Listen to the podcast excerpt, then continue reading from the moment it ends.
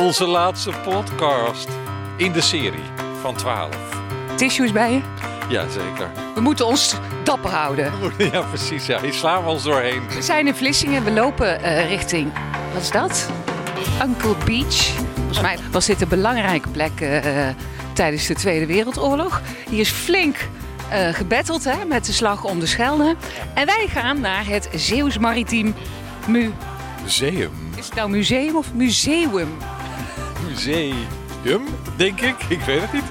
De nieuwe podcastserie van het netwerk Digitaal Erfgoed duikt in de wonderenwereld van digitalisering van ons erfgoed.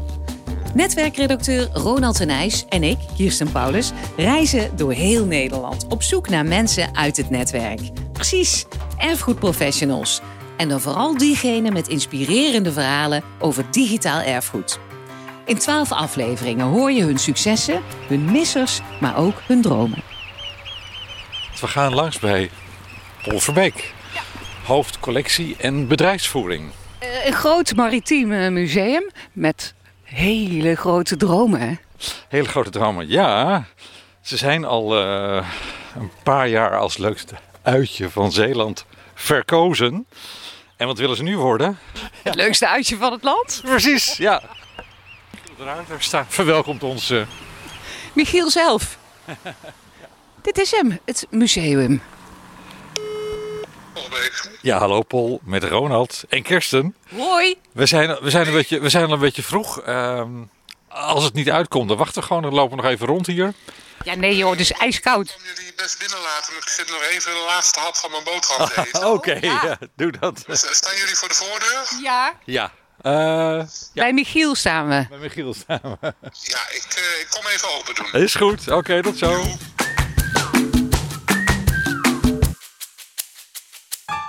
Pol, boterhammetje op. Waar zijn we? We zijn uh, in de hal van het museum, eigenlijk bij het begin. Net door de museumwinkel gelopen. En uh, ja, we zijn hier eigenlijk waar de bezoekers uh, ook starten. En je krijgt hier een interessante inleiding over Vlissingen, stad aan de Westerschelde. Met prachtige schilderijen en een hele mooie oude kaart van blauw. eigenlijk om te laten zien waar je bent. Wat is er zo uniek aan dit museum? Ik denk de, de plek op de eerste plaats. We zitten hier echt pal aan zee, aan de Westerschelde. En we zitten in een, ja, eigenlijk een mooi gebouw waar je hier tegen de buitenmuur kijkt. Het Lamsenshuis, een monumentaal gebouw uit 1641. Gebouwd door de rijke reder Cornelis Lamsens. Die een belangrijke rol had in de VC en WIC. En Michiel de Ruiter die is zijn carrière begonnen in dienst van deze familie. Dus, ja, die, die ook buiten staat met een uh, poster zou ik maar zeggen. Ja, niet alleen buiten, maar ook hier binnen en op vele manieren. En we hebben ook een mooie collectie van. Het museum, je hebt zes, zeven collega's en nog heel veel vrijwilligers. Ja. Nou, de vaste ploeg, de, inderdaad de vaste collega's, dat is een vrij klein clubje, ons team. Die uh, allemaal ja, een beetje gecombineerde functies hebben. En de, de, ja, de dingen achter de schermen ook met name doen. En ook om het museum te promoten. En ja, verzinnen wat we eigenlijk allemaal willen laten zien, wat we allemaal doen. Maar het openhouden van het museum, dat gebeurt uh, door onze vrijwilligers. Een hele grote groep van 70, 80 mensen. Echt ja, van allerlei mensen uit, ja, met van allerlei achtergronden die ons een warm hart toedragen. En ja, daar zijn wij natuurlijk super blij mee, want zonder vrijwilligers kunnen we niet bestaan. Wat doet een Brabander, want jij bent geen Zeeuw, in Zeeland? Uh, ja, nou dat is een beetje een privévraag, maar dat geeft niks. nou, Zeeland is gewoon een hele mooie provincie en het ligt natuurlijk pal aan zee. Dus de liefde voor de zee? Ja, de liefde voor de zee en voor de ruimte en uh, uh, ja, voor de mooie natuur, ja. Die kant op? Ja, we gaan hierin in een donker gewelf en dan hoor je allerlei spannende geluiden. En je ziet en je hoort een beetje alsof je hier onder water bent, als je goed kijkt. En je ziet hier een aantal vitrines met enorme grote objecten die er heel massief en groot uitzien. En dan denk je misschien, wat is dit nou? Een soort aquarium zien we, hè? Ja, daar lijkt het op. Uh, maar dit zijn hele grote objecten die honderden jaren lang op de zeebodem hebben gelegen. En van een scheepswrak, de, de Rooswijk, een schip dat gezonken is in de 18e eeuw. En dat is uh, uh, enige tijd geleden naar boven gehaald. En we hebben heel veel objecten van gezonken schepen. Dus dat is wel heel interessant. Die schepen die zijn natuurlijk vroeger zonken die, nu nog steeds. Maar vroeger natuurlijk veel vaker, want die waren van hout. En die waren niet bestand tegen sommige zeer extreme weersomstandigheden. En ja, op de zeebodem uh, heb je eigenlijk een soort tijdscapsule. Want ja, het leven wordt daar dan stilgezet. En 250 jaar later of langer wordt dat uh, ontdekt en naar boven gehaald. En eigenlijk is het iets wat gestold is in die tijd we hebben heel veel gebruiksvoorwerpen die vertellen over het eh, leven aan boord van die uh, enorme lange zeereizen vroeger. En dat kun je hier dan zien aan die objecten. Uh, luizenkammen, want aan boord was het niet zo heel hygiënisch. Flessen met wijn erin, die zul je dadelijk ook nog zien. Dus ja, van allerlei soorten objecten. We zijn hier in een expositiezaal. Die gaat eigenlijk over de Tweede Wereldoorlog. En uh, eigenlijk uh, na de bevrijding, ja, dat weten niet zo heel veel mensen buiten Zeeland. Uh, maar Zeeland is bij de bevrijding door de geallieerden onder water gezet om de Duitsers te verjagen. Nou, daar hebben we hier hele bijzondere foto's van hangen. En er is een prachtige film die hierover over vertelt. Jullie hebben echte ambities om het leukste uitje van heel Nederland te worden, bij wijze van spreken. Ja, we zijn al een aantal keren het leukste uitje van Zeeland geweest. En wat je zegt klopt. We willen dan ja, het leukste uitje van Nederland. Dat zou heel mooi zijn. Ja. Maar wij, eigenlijk willen wij dat veel meer mensen ons, ons leren kennen. En uh, ook ja, niet alleen om meer bezoekers te krijgen, maar ook om meer bekendheid te krijgen in Nederland. En om ons echt ja, sterker neer te zetten als een uh, ja, nationaal uh, maritiem museum. En hoe gaan jullie dat aanpakken? Nou, daar zijn we al uh, heel wat jaren mee bezig. We zijn een tijd geleden zijn we uh, toegetreden tot de Kanon van Nederland. Zijn we Kanonmuseum geworden. En we zijn nu plannen aan het maken voor een hele grote vernieuwing van onze hele presentatie.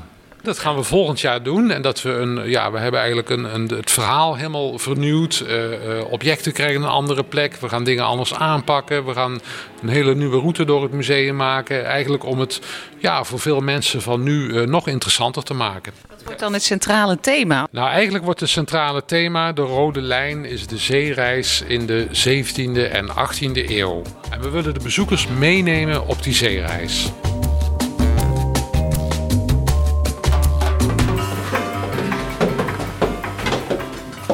Allemaal vitrines hier, Paul, met gebruiksvoorwerpen allemaal gevonden. Wat zien we hier?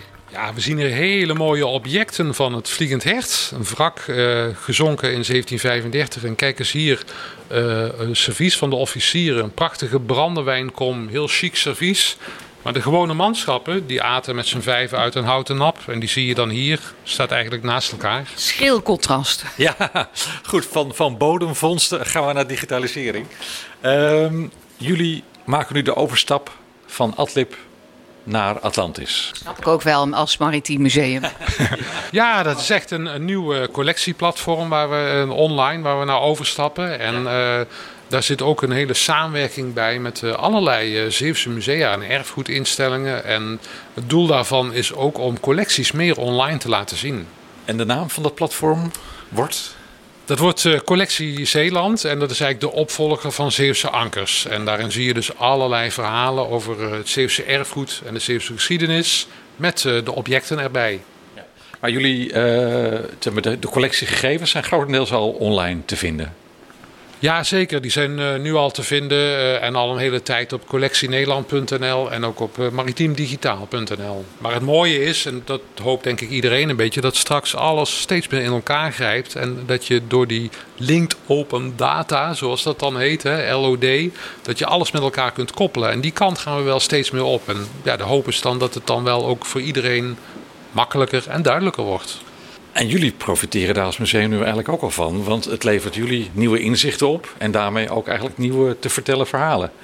Ja, dat is wel heel leuk en interessant, want je merkt dat door alle koppelingen van gegevens en ook van websites, van archieven en allerlei uh, digitale uh, data en middelen, komen er steeds meer nieuwe onderzoeksresultaten eigenlijk naar boven, die ook voor ons en onze verhalen interessant zijn. Kun je een voorbeeld noemen? Nou, een voorbeeld is bijvoorbeeld dat, dat schip waar ik het net over had, het Vliegend Hert, waar je hier de vondsten van ziet. Nou, we weten uh, uh, wie er allemaal meegingen aan boord. Alle namen van uh, alle mannen die weten we. En er komen ook steeds meer gegevens naar boven waar ze vandaan kwamen. Hè? Dus niet alleen hier uit de buurt, maar ook uit Duitsland, uit allerlei andere havensteden. En zo krijg je steeds meer inzicht over de opvarenden van zo'n schip. De kanon, wat heeft het jullie gebracht? Nou, vooral meer landelijke bekendheid. En, en vooral dat we ons ja, beter proberen positioneren. En echt een, meer een onderdeel worden van al die kanonmusea. Met uh, ja, echt verhalen over de geschiedenis van Nederland. Want, want de kanon houdt in? Ja, de kanon is eigenlijk een aaneenschakeling van belangrijke onderwerpen over de geschiedenis. En uh, wij zijn daar aangehaakt bij uh, het onderwerp Michiel de Ruiter, bij de VOC en bij de slavenhandel. Is, is dat dan het succes? Kanon zijn, maar samenwerken? Want dat hoor ik jou steeds zeggen. Nou, samenwerken is denk ik wel heel belangrijk. Hè? Kijk, de tijd is een beetje voorbij. Zoals heel vroeger dat je een conservator in een zolderkamertje achter zijn bureau te schrijven achter de computer. En ik denk dat je veel meer naar buiten moet treden. Dat doen wij, proberen wij ook te doen. Net als veel andere musea, omdat je zo kansen kunt benutten. Dit is eigenlijk de oude woonkamer van de familie die hier gewoond heeft. En je ziet ze hier aan de wand hangen, Lamsins en zijn vrouw. Jullie hebben het ook over, uh, zag ik op jullie site, de stem van de slaaf. Want het, dit gaat ook over slavernij natuurlijk, op die, ook met die boten. De stem van sterke vrouwen aan de wal. Komt dat nog terug? Ja, dat is iets waar we inderdaad uh, heel erg mee bezig zijn om dat in de nieuwe presentatie uh, ja, beter en op een, op een uh, ja, meer mooiere manier te laten zien en horen. En ja, tegenwoordig hebben musea dan vaak over meerstemmigheid, zoals dat heet. Dus dat zijn niet alleen de stemmen van ja, de bekende historische figuren als Michiel de Ruiter of wat dan ook, maar ook de mensen die misschien wat minder bekend zijn, hè, de gewone mensen aan boord of de vrouwen die achterbleven. Uh, dat soort mensen uh, willen we ook uh, ja, echt laten horen in onze presentatie. Een voorbeeld van zo'n sterke vrouw? Nou, dan kan ik niet anders dan Anna van Gelder noemen. Anna van Gelder was de derde vrouw van uh, Michiel de Ruiter. Die een hele belangrijke rol speelde achter de schermen. Want zij regelde eigenlijk de bevoorrading aan boord. Uh, ze regelde alle financiën. En we hebben ook een hele mooie collectie met uh, schilderijen van Anna en van Michiel. En ja, dat is wel een van de vrouwen die we beter willen laten zien in onze nieuwe presentatie.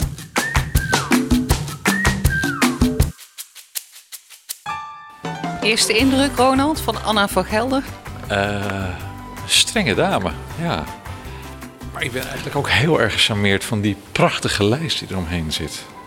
Uh, met hout, prachtig houtsnijwerk, uh, met allerlei symboliek. Ja, heb je goed opgemerkt. Het is inderdaad een fantastisch mooie lijst. En daarom hebben we ook dat glaspaneel eraf gehaald. Omdat die lijsten die willen we helemaal laten restaureren voor de nieuwe presentatie. Want uh, ja, die lijsten die zijn echt bijzonder. Die zijn maar in een bepaalde periode in de geschiedenis gemaakt. En er zit inderdaad heel veel symboliek in. Goed gezien, Ronald. Ja. Maar, maar dus je, bent, je kijkt helemaal niet naar Anna. Nee, ik kijk wel naar Anna, maar ook naar die prachtige lijst. Deur weer even dicht. En nu? En dan gaan we naar boven, naar het torentje van Lamsens. Uit de 17e eeuw. Hier hield eh, de reder zijn handelsbesprekingen. Subrosa. Subrosa, je heb je goed opgemerkt. Onder de roos betekent dat, hè? Een houten roos zie je hier. En wat onder de roos werd besproken moest geheim blijven. Waarom was dat nou? Omdat hij hier deals sloot voordat de schepen binnenkwamen, zeggen we altijd. En ja, eigenlijk al prijsafspraken maakte in het geheim. Dan vertel maar in het geheim wat er hier nog niet zo goed ging of waar de verbetering mogelijk is in dit museum. Ja, je kunt natuurlijk altijd wel dingen verbeteren. En uh, ja, in die hele digitalisering uh, zijn nog wel wat slagen te slaan voor ons. En uh, het is zo'n collectiesysteem en digitalisering, dat is ook technisch best wel ingewikkeld. Maar... Frustrerend? Nou, frustrerend. Ja, soms is het één stap vooruit en twee achteruit en dan weer twee stappen vooruit. Dus dat hoort een beetje bij het proces, denk ik. Ja, dan moet je even gaan wandelen aan de zee. Ja, nou, dat is, werkt altijd heel goed.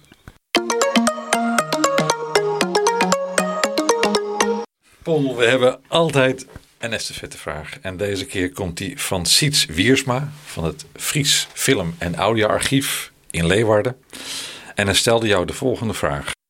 Ja, Paul, ik, uh, ik wil je heel graag een vraag stellen. Ik vind een maritiem museum echt fascinerend. Dat zal ook alles te maken hebben dat ik ook een kustbewoner ben. Ik heb gelezen dat jullie uh, in de kanon van Nederland drie vensters uh, gaan openen. Of misschien al aan het openen zijn. Namelijk de VOC, het slavernijverleden en Michiel de Ruiter. Dat zijn allemaal hele internationale onderwerpen. Dus ik vroeg mij af, hoe maak je vanuit die vensters connectie met andere archieven en musea? En wat zijn dan de mogelijkheden en de kansen voor linked data in dat proces? Beste Siets, ja, hoe maken wij die connectie met andere archieven en musea? Dat doen we natuurlijk door heel veel samen te werken. En juist door die linked open data en doordat alles aan elkaar gekoppeld kan worden, dus onze informatie met de digitale informatie van musea en archieven, kun je een stap maken om nog betere verhalen te vertellen en onderwerpen nog meer uit te diepen. De storytelling waar jullie mee bezig zijn, hè? Ja, zeker. En het leuke is dat we ook eh, het publiek daar steeds meer bij willen betrekken. En de digitalisering die geeft ook die mogelijkheden. Hè? Denk bijvoorbeeld aan crowdsourcing. Hè? Dat is echt iets waar nu uh, steeds meer uh, over gepraat wordt. En wat ook wel een beetje de toekomst is. Dat het publiek ook veel meer kan participeren. En uh, voor ons geeft dat ook heel veel, brengt dat nuttige informatie binnen.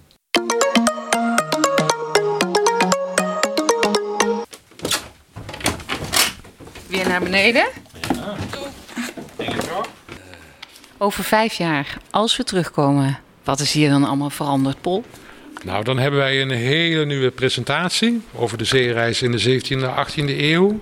dan zijn wij uh, nationaal een veel bekender museum. En dan hebben wij ook een hele mooie presentatie over onderwaterarcheologie, over scheepswrakken. En dan vertellen we ook meer het verhaal van hoe het nu is. Hoe de bedrijvigheid in de havens nu en de scheepvaart nu gaat. En er valt dan voor jong en oud uh, heel veel te beleven.